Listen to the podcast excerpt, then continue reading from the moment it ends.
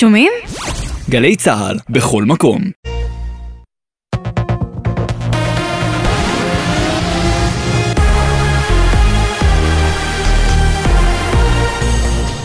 גלי צה"ל לשעה שבע, ערב טוב באולפן עדן לוי עם מה שקורה עכשיו. מפכ"ל המשטרה קובי שבתאי הצהיר, אין בכוונתי להמשיך לשנה רביעית בתפקיד בתנאים אלה. עם הפרטים כתבתנו הדס שטייף. לפני מספר ימים הודיע השר לביטחון לאומי איתמר בן גביר שבכוונתו להודיע למפכ"ל קובי שבתאי שהוא לא מתכוון להאריך את כהונתו בשנה נוספת. הערב, בדברים שנשא המפכ"ל בכנס ראשי רשויות שקיים, הוא אמר כי אין בכוונתו להמשיך בכהונתו שנה רביעית. הוא הוסיף ואמר, לא אתן להשפיע על ההתנהלות הערכית, המוסרית והמקצועית שלי או של השוטרים שלי. מסר ברור לשר בן גביר. השר בן גביר הגיב להודעת המפכ"ל ומסר, זה לא סוד שהיו בינינו מחלוקות, אני מודה לו על שנים של שירות. תם יום העדות הראשון של מילצ'ן בתיק 1000. הפרקליטות התייחסה להדלפה על סעיף השוחד וטענה, זה פוגע בניהול התקין של המשפט. עם סיכום היום, כתבתנו לענייני משפט, תמר שונמי. איש העסקים העיד כי ראש הממשלה נתניהו אמר לו שהיועץ המשפטי לממשלה אישר את קבלת המתנות שתחילה ניתנו מיוזמת מילצ'ן אך לאחר מכן כמותן הלכה וגדלה עד שהדבר הפך לשגרה, כך כלשונו. החקירה הראשית של מילצ'ן על ידי התובעת הראשית ליאת בן ארי תימשך גם מחר. בתוך כך התביעה הגישה בקשה לבית המשפט לערוך מעתה כל דיון בין השופטים לצדדים תוך כתיבת פרוטוקול וכינתה את הדיווח על הערת השופטים לגבי סעיף השוחד מגמתי, לא מדויק ופוגע בניהולו התקין של המשפט. ראש הממשלה בנימין נתניהו התייחס בפתח ישיבת הממשלה הבוקר לקריאתו של השר לביטחון לאומי בן גביר לרוץ על הגבעות, ואמר, הפעולות האלה מערערות על הסדר ואינן מקובלות עליי. ראש השב"כ לשעבר יעקב פרי אמר ביומן הערב, יש מי שמפרשים את האמירה של בן גביר כהתרת דם. הייתי מצפה מנתניהו ליותר. אם אתה מתייחס לקריאה של בן גביר אה, לעלות על הגבעות, יש הרבה מתנחלים שמפרשים זאת כ... דמם של הפלסטינים מותר. הייתי מצפה מראש הממשלה שיהיה הרבה יותר תקיף. שלא רק יסתפק בהודעה לקונית בישיבת הממשלה, אלא שיזמין אליו את ראשי המתנחלים ויאמר להם בצורה שאינה משתמעת לשתי פנים שהם צריכים לעשות כל שלאל ידם להפסיק את הפעילויות האלה ועדת השרים לחקיקה אישרה את הצעת החוק לפירוק לשכת עורכי הדין. ראש לשכת עורכי הדין עמית בכר הגיב אצל ירון וילנסקי לאישור, וקרא, זה נוגד את הדמוקרטיה. זה לא חוק שכאילו נגדי, אבל הוא נגד הדמוקרטיה. הנוסח עצמו הוא לא מה שמשנה. הכוונה הלא דמוקרטית היא מה שמשנה. רוב האנשים רוצים דמוקרטיה. אני אומר לך, זה חוק לא דמוקרטי, זה התנהגות פריונית, כי היא באה יום אחרי בחירות דמוקרטיות בלשכת עורכי הדין, וזה סימבולי שיום אחרי הבחירות, שהם חיכו לראות מי היושב ראש, ולפי הטעם מנסים לחוקק חוק, זה מראה לך, זה סימבולי, למה הציבור מתקומם נגד חקיקה אנטי דמוקרטית. כדורגל מאליפות אירופה עד גיל 21. בשעה זו נבחרת ישראל פוגשת את נבחרת אנגליה במסגרת המשחק השני בשלב הבתים. כתב חדשות הספורט יוסי ריס מזכיר שהנבחרת השיגה תיקו אחת במשחק נגד האלופה המכהנת גרמניה, ואם הערב היא תפסיד, עדיין קיים סיכוי להעפיל לרבע הגמר מהמקום השני בבית. בהצלחה. לידיעת הנהגים, כביש אחת נחסם לתנועה במחלף שער הגיא לכיוון מערב בעקבות משאית שעלתה באש. צוות כבאות והצלה פועל במקום לכיבוי הדלקה. עומסי תנועה כבדים באזור, מומלץ לנסוע מדרכים חלופיות. מזג האוויר מעונן חלקית עד בהיר, הטמפרטורות תהיינה רגילות לעונה. לעדכונים נוספים חפשו את גלי צה"ל בטוויטר. אלה החדשות, בצוות יוני זילברמן והלל גוטמן.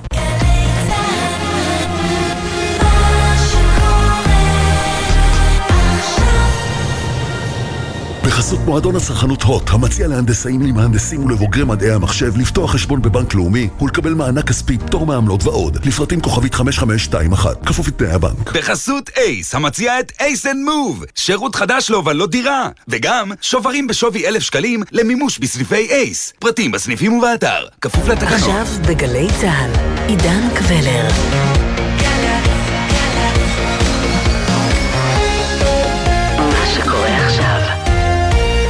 שלום לכם מאולפן 360 ביום, ההסכת היומי של גלי צה"ל. הזדמנות מעולה לחצי שעה של העמקה, כל יום בנושא אחד שמעסיק את כולנו מ-360 מעלות. והפעם...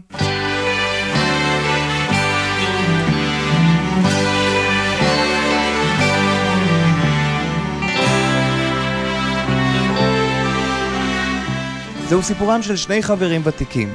האחד, פקיד עירייה, שסיים שירות משמעותי בקג"ב, והאחר, אסיר משוחרר, שהחל לפתע להתאהב בתחום המסעדנות. טוב, מסעדנות זה אולי שם גדול מדי לדוכן נקניקיות, אבל בסוף האיש הזה הגיע איכשהו לאחוזת ענק עם מגרשי ספורט ובריכות שחייה ממש בתוכה. כן, כן, המדובר במי שלימים יהיה נשיא רוסיה פוטין וידידו הטוב, והיום אולי כבר הפחות טוב, יבגני פריגוז'ין. האיש שהפך מטבח לטובח, מכזה שהבטיח לתומכיו שלרוסיה יהיה נשיא חדש. ובינתיים, לפחות בינתיים, מוצא עצמו מוגלה לבלארוס. ועל פוטין, שמצליח לפחות זמנית לעבור מהמורה נוספת מאז נכנס למלחמה באוקראינה. מלחמה שהייתה לה התחלה, אבל סוף אינו נראה באופק. במסע שלפנינו נחזור לדרמה של אמש, את שעת כוח וגנר של פריגוז'ין, צפונה למוסקבה, לרגע שבו החליט לעצור, וכמובן, נטייל על פני ההיסטוריה של השניים הללו, שאיש מהם כנראה לא יהיה בדיוק מועמד לפרס נובל לשלום.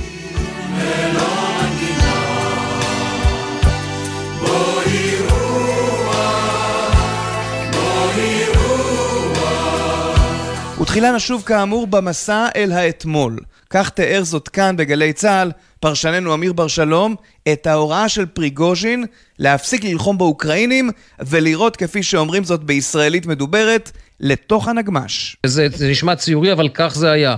במקום שכלי הנשק שהיו מופנים לכוחות האוקראינים הם מסובבים את כלי הנשק חוצים את הגבול מאוקראינה לתוך רוסיה ונכנסים לעיר רוסטוב, משתלטים על העיר רוסטוב. למה זה קורה?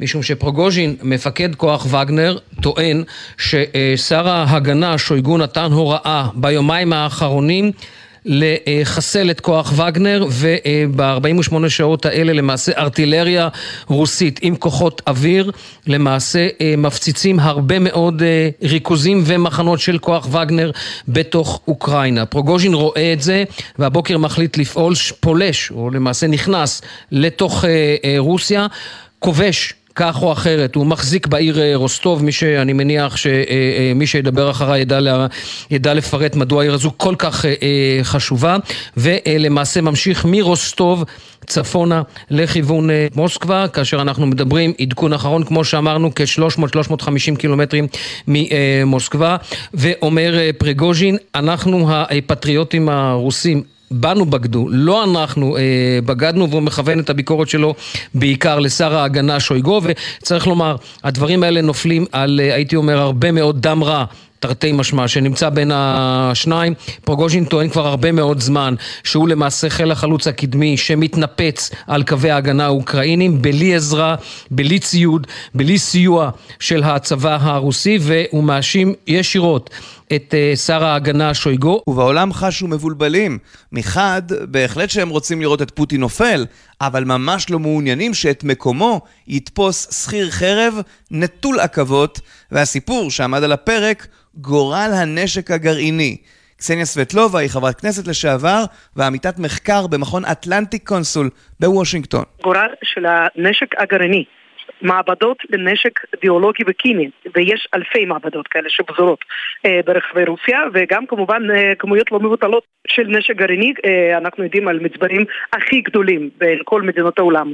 אה, במידה ובאמת אה, יתפתח אירוע מעבר למה שאנחנו רואים עכשיו. וחלק מהשלטון יעבור לידיו של פריגוז' אנחנו עוד לא יודעים בדיוק אה, מה יקרה כאשר הוא באמת יתקרב לפאתי מוסקבה, אבל אם בהנחה שבאמת יקרה שם משהו דרמטי, האם כל האתרים האסטרטגיים האלה יהיו אה, בידיים אה, שאפשר לפתוח עליהם, כן? אה, ועד כמה שהיחסים בין מערב לפוטין היו גרועים ונהיו עוד יותר גרועים מאז שהוא פתח במלחמה נגד אוקראינה אבל הייתה גם איזושהי תמימות דעים, כן? האיש לא מעוניין להשתמש בנשק גרעיני, לא טקטי ולא אחר. מה עם פריגוז'ין? האם הוא מעוניין? או, אז זה מה שקרה אתמול, מזה חשש העולם. אבל דומה שהיום קסניה סבטלובה בעצם פריגוז'ין בכלל לא רצה להוריד את פוטין, אלא רק רצה לחזר אחריו? להתקרב אליו? והוא אומר בעצם, רומז, אני רוצה עסקה בעצם. אני רוצה שתפטר את שוגו, אני רוצה שתפטר מגרסימוב, תשים את אנשיו, אה, תחזיר לי את המקום אה, המרכזי שהיה לי, תעלה אותי בדרגה אולי. ששוב פעם נהיה חברים, ואז בעצם כן, אני שוקל אז אולי להפסיק את העניין הזה שאני קורא לו אקט פטריוטי ואתה קורא לו מרד. טוב, אנחנו עוד נשוב להווה, אבל בינתיים קפיצה לעברם המשותף של השניים, יאיר נבות, עיתונאי ופרשן לענייני רוסיה, איך הכל התחיל ביניהם? הם נפגשו לראשונה בסנט פטרבורג באמצע שנות ה-90 ואז שנים אחדות לאחר שאותו פריגוז'ין השתחרר מעונש מאסר שהוא ריצה בבית הכלא הוא uh, החל uh, להיכנס לעסקי המזון, פתח דוכן הקניקיות שהצליח מאוד, התפתח, פתח מסעדה uh, שהצליחה מאוד גם היא, ואז הצטלבו uh, דרכיו עם הנשיא uh, פוטין שעבד באותו זמן בעיריית uh, סן פטרבורג לאחר uh, שעזב את uh, הקג"ב ושם בעצם החל uh, הקשר הזה, פוטין החל uh, לארח, גם לאחר שנבחר לנשיא, uh, החל uh, להשתמש במסעדות של יבגני פריגוז'ין כדי לארח ראשי מדינות הקשר הלך והתהדק, פריגוז'ין זכה במכרזים של הצבא הרוסי לאספקת מזון וכן הלאה וכך הקשר הזה הלך והתהדק. בשנים שלאחר מכן בעצם פריגוז'ין מתחיל לספק לפוטין שירותים אחרים, שירותים הרבה יותר משמעותיים משירותי מזון, ובין, הש... ובין השאר למשל מקים את אותו כוח וגנר, והכוח הזה הופך לשם דבר, הוא בעצם בזרועה הארוכה של רוסיה, הבלתי רשמית. שבעצם ממלאת משימות שונות שמטיל עליה הממסד הרוסי. טוב, אז עכשיו אנחנו רוצים להבין מעט יותר על הכוח הזה, ואתה, דוקטור שי הר צבי מאוניברסיטת רייכמן, הפעילות של כוח וגנר בעצם חבקה עולם. ראינו אותם בהתחלה פועלים בקרים, אחר כך בסוריה, במדינות באפריקה, וכמובן בשנה, שנה וחצי האחרונות באוקראינה.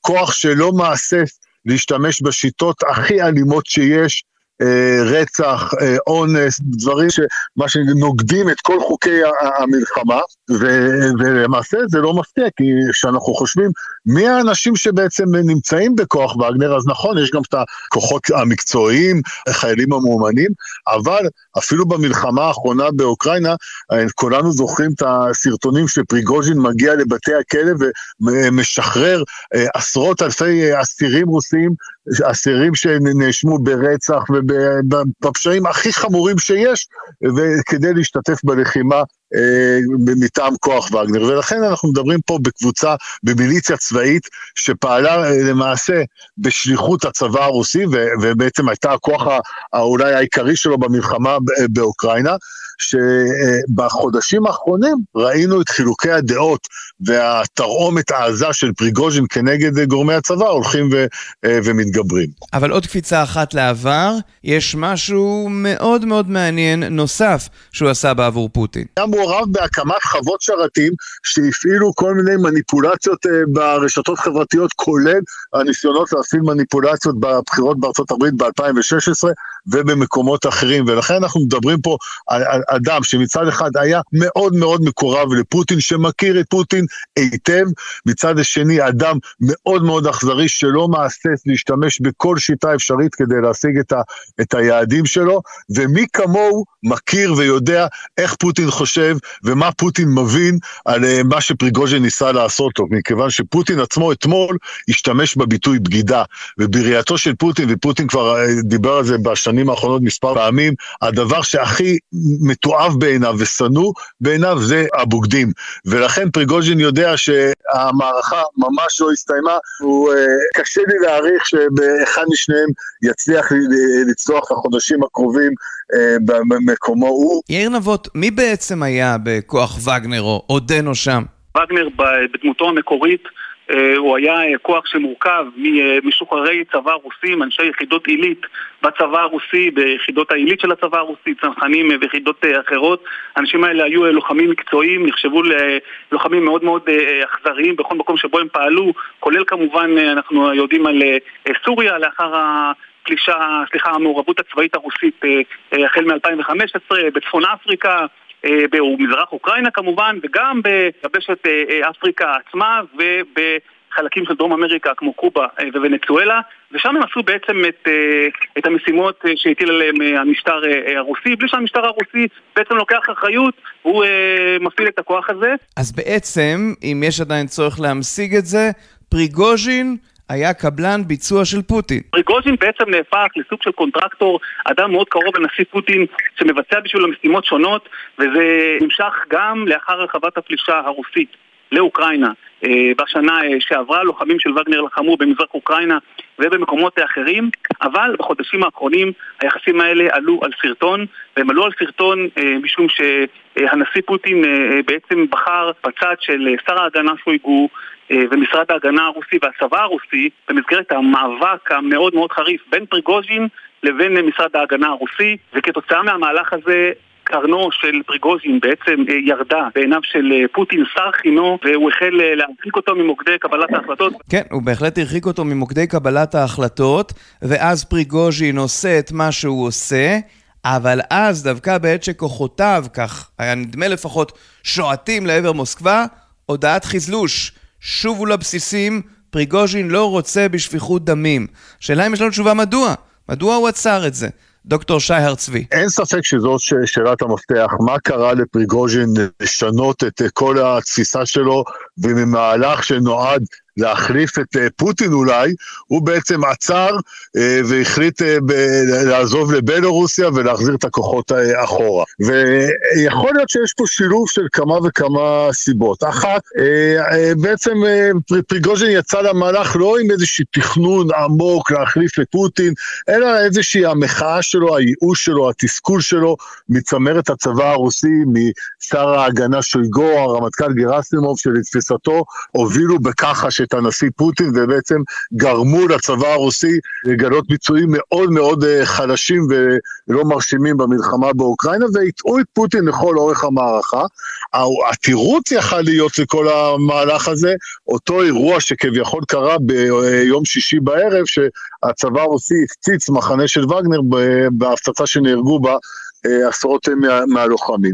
ולכן יכול להיות שהיה פה איזשהו שילוב בין תסכול של פריגוז'ין שהניע אותו למהלך, למהלך אימפולסיבי, יכול להיות שהוא קיווה להצטרפות הרבה יותר משמעותית של גורמי כוח בצמרת אה, אה, הרוסית, ויכול להיות שהוא בעצם קיבל איומים מאוד מוחשיים מפוטין, איומים אה, דרך אה, לוקשנקו, נשיא בלורוסיה, שניהל את אותה משא ומתן, שהבין שהוא לא יכול באמת להמשיך, כי אחרת כל הכוח שלו יושמד. כן, וזה הזמן אולי לעשות עוד עצירה בדיונים על מה שמתרחש כעת ולחזור טיפה לעבר. קסניה סבטלובה, פריגוז'ין לא דאג רק לכסף ולכוח, אלא גם לכבוד. כלומר, הוא ידע שצריך לדאוג לפרסום. פריגוז'ין אה, עבד באופן מאוד מדוקדק על התדמית שלו במהלך אולי אה, כמה שנים, כן? הוא הקים אימפריה תקשורתית, זה אחד. אה, ששירתה אותו, כן? זה לא קשור לבוטים בהכרח, אלא זה קשור להאדרה של שמו, של יכולתיו, וכל רוסי יודע שעד כמה וגנר מסוכנים, עד כמה הם אכזריים, ויש סרטונים שמסתובבים שם, מתעללים בסורים וחותכים להם ראשים, עורפים להם ראשים ופוגעים בהם אה, בצורה מאוד אכזרית. אה, וכל אחד יודע שבחצי שנה האחרונה פריגוז'ין הוא זה שהיה בשדה הקרב עם אנשיו, הוא זה שתמך בלוחמים, הוא זה שגם תמך באסירים, זה עניין מאוד מאוד רגיש ברוסיה יש המון אנשים שמרצים עונש מאסר, אולי אפילו יותר מאשר בארצות הברית. מדובר באמת כמויות אדירות, והוא תמיד נעמד כביכול לצידו של האדם הקטן. אז uh, פוטין נראה מנותק יותר ויותר מהעם. הוא נמצא אי שם בבודקר שלו, איפה הוא נמצא בדיוק, היכן הוא מקליט את הסרטונים שלו, אף אחד לא באמת יודע. כל אחד יודע, אולי לא ברגע זה עכשיו, כן, אבל היכן נמצא פריגוז'ין. כי הוא ביקר את אה, אנשיו אה, בשדה הקרב, בבחמוד ובכל החזיתות. הוא גם לובש, בדיוק כמו זלנסקי אפרופו, כן? הוא ממש אה, מנסה אולי לחקות אותו. בעניין הזה, כן? מדי צבא, כן? למרות שהוא לא איש צבא, אבל הוא ככה כל הזמן נראה בחאקי, וגם לפעמים עם אפוד מגן, לפעמים עם נשק, כדי להצביע על זה שהנה, אני האיש האמיתי. ומבחינת כל אותם האנשים, שכרגע הוא פונה אליהם בעצם, כן? הוא אומר, חבר'ה, אני בא להגן על זכותכם, אני בא... בעצם כן אה, לטעון את מה שאתם טוענים כל הזמן, שלא דואגים לחיילים, שהם רעבים שם, שמפקירים אותם וזה, אז הנה, אה, כן, אני פה בשבילכם. פוטין היה אמור לזהות, ויכול להיות שהוא זיהה את זה, אבל קצת יותר מדי מאוחר, אה, שקמה פה אימפריה, כן, אימפריה תקשורתית. והאימפריה הזאת תפסה את רוסטוב על אדון, לא רוסטוב האי, כרחוק מזרח ממערב, אלא רוסטוב על אדון, הקרובה יותר לאוקראינה. ויאיר נבות, למה הוא בחר דווקא במקום הזה? קרובה מאוד לגבול האוקראיני, וזו גם אחת הסיבות שפריגוז'ין אה, אה, חש בנוח לבחור בה כמקום להתארגנות ובעצם לכיבוש, משום שהוא אה, משך את כוחותיו מאוקראינה, מרחק לא גדול אה, אה, משם, וגרר אותם לתוך אה, אה, רוסוב אלדון. בעצם אה, כבש את העיר, התארגן, ומשם המשיך הלאה, חשוב לומר שזו עיר אה, שהיא מהווה מרכז אה, לוגיסטי, תחבורתי, צבאי, חשוב לרוסים. דוקטור שער צבי, ונדמה שביום שאחרי כולם שואלים איך בכלל פריגוז'ין העלה בדעתו להפיל את פוטין ולהשתלט על מוסקבה כשיש את כל הגווארדיה שנכונה להגן על המשטר? איך, כלומר, מה הוא חשב לעצמו בכלל? זו בדיוק הייתה אחת התעלומות הכי משמעותיות. זאת אומרת, איך פריגוז'ין חשב והעריך שהוא בעצם יכול לצאת למהלך הזה ולהפיל את אה, פוטין, כשהוא מבין שבעצם הצבא הרוסי אה, עומד לצידו, הוא מבין שהכוחות המובחרים במוסקבה מגינים אה, על פוטין, ולכן ההערכה שלי ש... או שזה היה אה, איזשהו מהלך אימפולסיבי, ואולי יותר אה, משמעותי, יכול להיות שפריגוז'ין העריך, האמין שהוא יצליח לסחוף אחריו ולגייס כל מיני גורמים כאלו ואחרים בצמרת הרוסית. דרך אגב, יכול להיות בהחלט שהיו לו כאלה שבסופו של יום קיבלו רגליים קרות.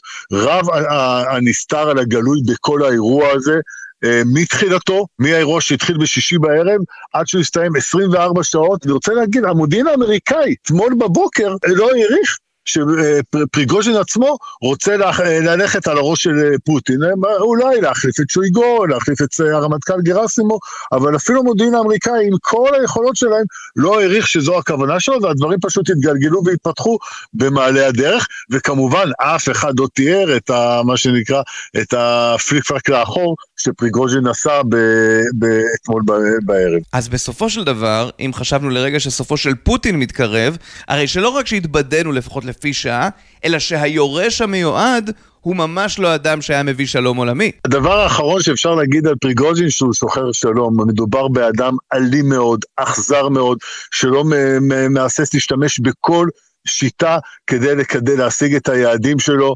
אה, וראינו את זה בפעילות של כוח וגנר, לא רק באוקראינה עכשיו, אלא גם בעבר, גם בסוריה, גם אה, במקומות אה, אחרים. ברור עכשיו שפריגוז'ין, ברגע שהוא נאלץ להימלט לבלורוסיה, הוא בעצם איבד מהמומנטום ואולי מאיזשהו סיכוי, אם בכלל היה לו, לנסות להשתלט על מוסקבה, ולכן השאלה, מה, מה עכשיו, מה הצעד הבא של פריגוז'ין, מכיוון שפריגוז'ין מכיר היטב את הנשיא פוטין, והוא יודע שפוטין לא יכול לאפשר למהלך הזה לעבור בלי תגובה מאוד חריפה מצידו, מכיוון שיש פה פגיעה מאוד מאוד קשה בדימוי של פוטין, בדימוי של הנשיא הכל יכול ששולט, שכל האליטה מאוגדת מסביבו. פריגוז'ין סדק, סדק באופן משמעותי מאוד את, ה, את הדימוי הזה, ולכן פוטין יצטרך אה, גם כדי להשליט את מרותו בסביבה הקרובה, לנקוט בצעדי אה, ענישה בסופו של דבר כאלו ואחרים נגד פריגוז'ין או נגד גורמים אחרים בכוח אה, אה, וגנר. אז איך כל זה ישפיע על המלחמה באוקראינה? כי פוטין בעצם נחלש כשכוח וגנר עצמו נחלש, לא? הם תלויים זה בזה בעצם. הכוח לא יוכל להמשיך לתפקד כמו שהוא תפקד בחודשים האחרונים, והאוקראינים בהחלט עשויים לנצל את, גם את ההתפרקות של כוח וגנר, או מה שמצטייר כהתפרקות של כוח וגנר, גם כמה שמצטייר כ... אולי כחולשה של הצבא הרוסי בעקבות האירועים האלה, כדי לקדם את מתקפת הנגד. אני רוצה להזכיר שמאז שהחלה מתקפת הנגד, על פי הדיווחים, ההצלחות האוקראיניות היו מאוד מאוד מוגבלות, וייתכן שעכשיו האוקראינים ינסו לשאוב איזשהו מומנטום ולקדם את uh, מתקפת הנגד. ופה השאלה, מה פוטין עושה ברגע שהוא איבד את אחד הכוחות המשמעותיים שלו ב, uh, באוקראינה? להבנתי, אחד התרחישים האפשריים שפוטין עלול להסלים את השימוש באמצעים באוקראינה, כפי שראינו בפיצוץ של הסכר לפני כ... כשבועיים, מכיוון שאם יש דבר אחד שפוטין לא יכול להרשות לעצמו, בוודאי בוודאי אחרי האירועים עם פריגוז'ין, זה להצטייר כמי שהפסיד את המלחמה, מכיוון שהוא מבין היטב אם הוא יצטייר כמי שהפסיד את המלחמה באוקראינה, דינו נחרץ. הוא בעצם אה, יאבד את שלטונו, יאבד את הלגאסי שלו, אה, אה, ולכן הוא לא יכול לאפשר את זה, והוא ישתמש בכל האמצעים, לטעמי, בכל האמצעים העומדים לרשותו, כדי להימנע ממצב כזה. וכאן עולה השאלה, האם בסופו של יום אנחנו עשויים להגיע גם לתרחיש האימים של שימוש בנשק גרעיני טקטי? להבנתי, אנחנו ממש לא שם. אבל האופציה הזאת על השולחן, כאשר פוטין יחוש שהוא נדחק עם הגב אל הקיר, הוא בהחלט עשוי לשוב ולעשות אה, שימוש לפחות רטורי, אם לא מעבר לזה, גם באמצעים הרדיקליים האלה, מתוך הבנה שלו שהפסד שלו במלחמה, או אפילו דימוי של הפסד שלו במלחמה, משמעו סוף שלטונו.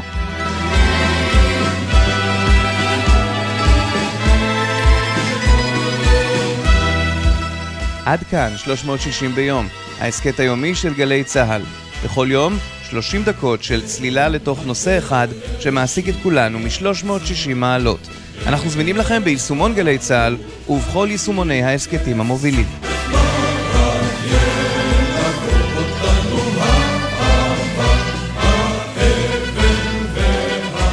המפיקים יונתן שגב ונועה ארז, על הביצוע הטכני הילי דרעי, בפיקוח הטכני גריים ג'קסון, עורך הדיגיטל מתן קסלמן, אני עידן קבלר, שלום.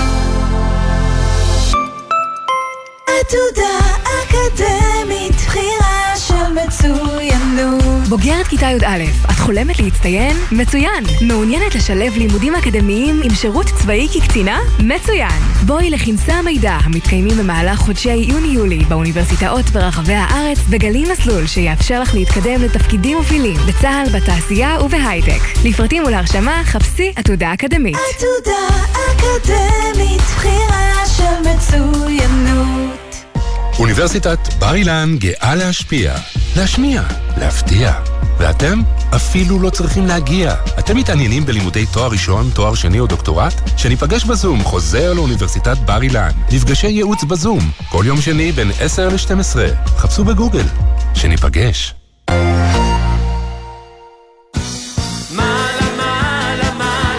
מעלה מעלה, מופע מחווה למלך הפופ צביקה פיק.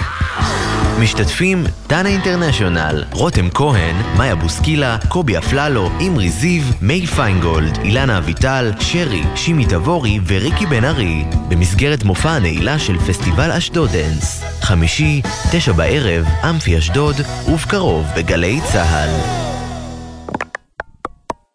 עכשיו בגלי צה"ל, טלי ליפקין-שחק, עם רצועת הביטחון.